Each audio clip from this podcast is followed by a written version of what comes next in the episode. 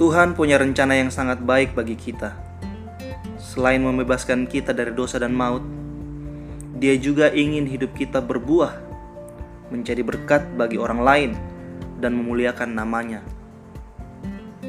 Melalui renungan ini, kita diundang untuk membayangkan ulang kehidupan kita.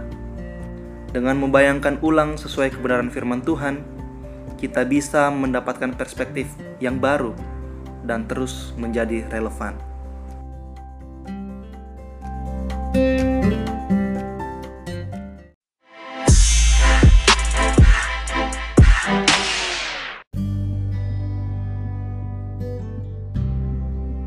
Oke, kita masuk ke hari ketujuh dalam tema renungan Reimagine.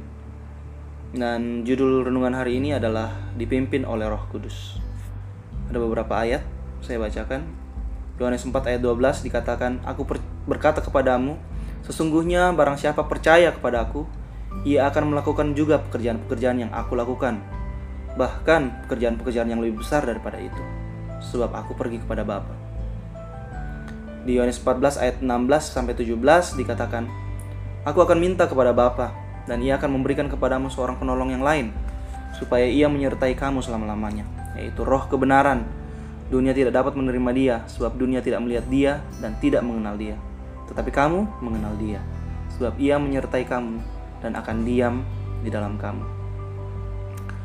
Berikutnya yang terakhir Yohanes 16 ayat 13 dikatakan, "Tetapi apabila ia datang yaitu roh kebenaran, ia akan memimpin kamu ke dalam seluruh kebenaran, sebab ia tidak akan berkata-kata dari dirinya sendiri, tetapi segala sesuatu yang didengarnya itulah yang akan dikatakannya, dan ia akan memberitahukan kepadamu hal-hal yang akan datang. Ia akan memuliakan aku, sebab ia akan memberitahu, memberitakan kepadamu apa yang diterimanya daripada aku. Segala sesuatu yang Bapa punya adalah aku punya.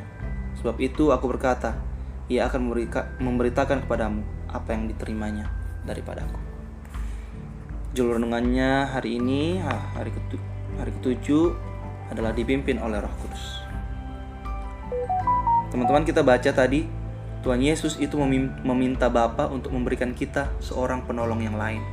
Siapa penolong yang lain itu, saudara? Penolong itu adalah Roh Kudus.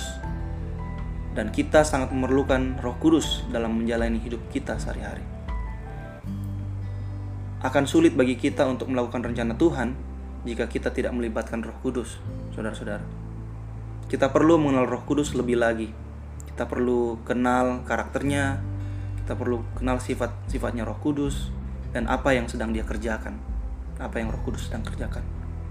Ya Roh di Roh Kudus ditugaskan untuk menolong kita. Dan oleh karena itu kita bisa meminta pertolongannya dalam segala hal. Roh Kudus ini adalah roh kebenaran dan dia hanya menyampaikan kebenaran kepada kita. Berbeda dengan iblis, biasa menyampaikan kebohongan. Karena itu teman-teman, mari undang Roh Kudus untuk membantu kita membayangkan ulang kehidupan kita dan meluruskan jalan kita sesuai rencananya.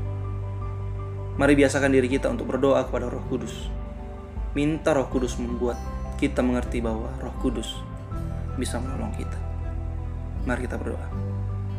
Ya Roh Kudus, kami percaya Engkau berdiam di dalam kami. Engkau selalu menyertai dan menolong kami. Tuntun kami ya Tuhan, setiap hari dalam kebenaran-Mu. Dan aku ingin mengenal Engkau lebih lagi, ya Roh Kudus. Bertahtalah dalam hidupku Tuhan. Di dalam nama Tuhan Yesus kami berdoa. Amin. Semoga ini bisa membangun iman teman-teman. Nah, Tuhan memberkati.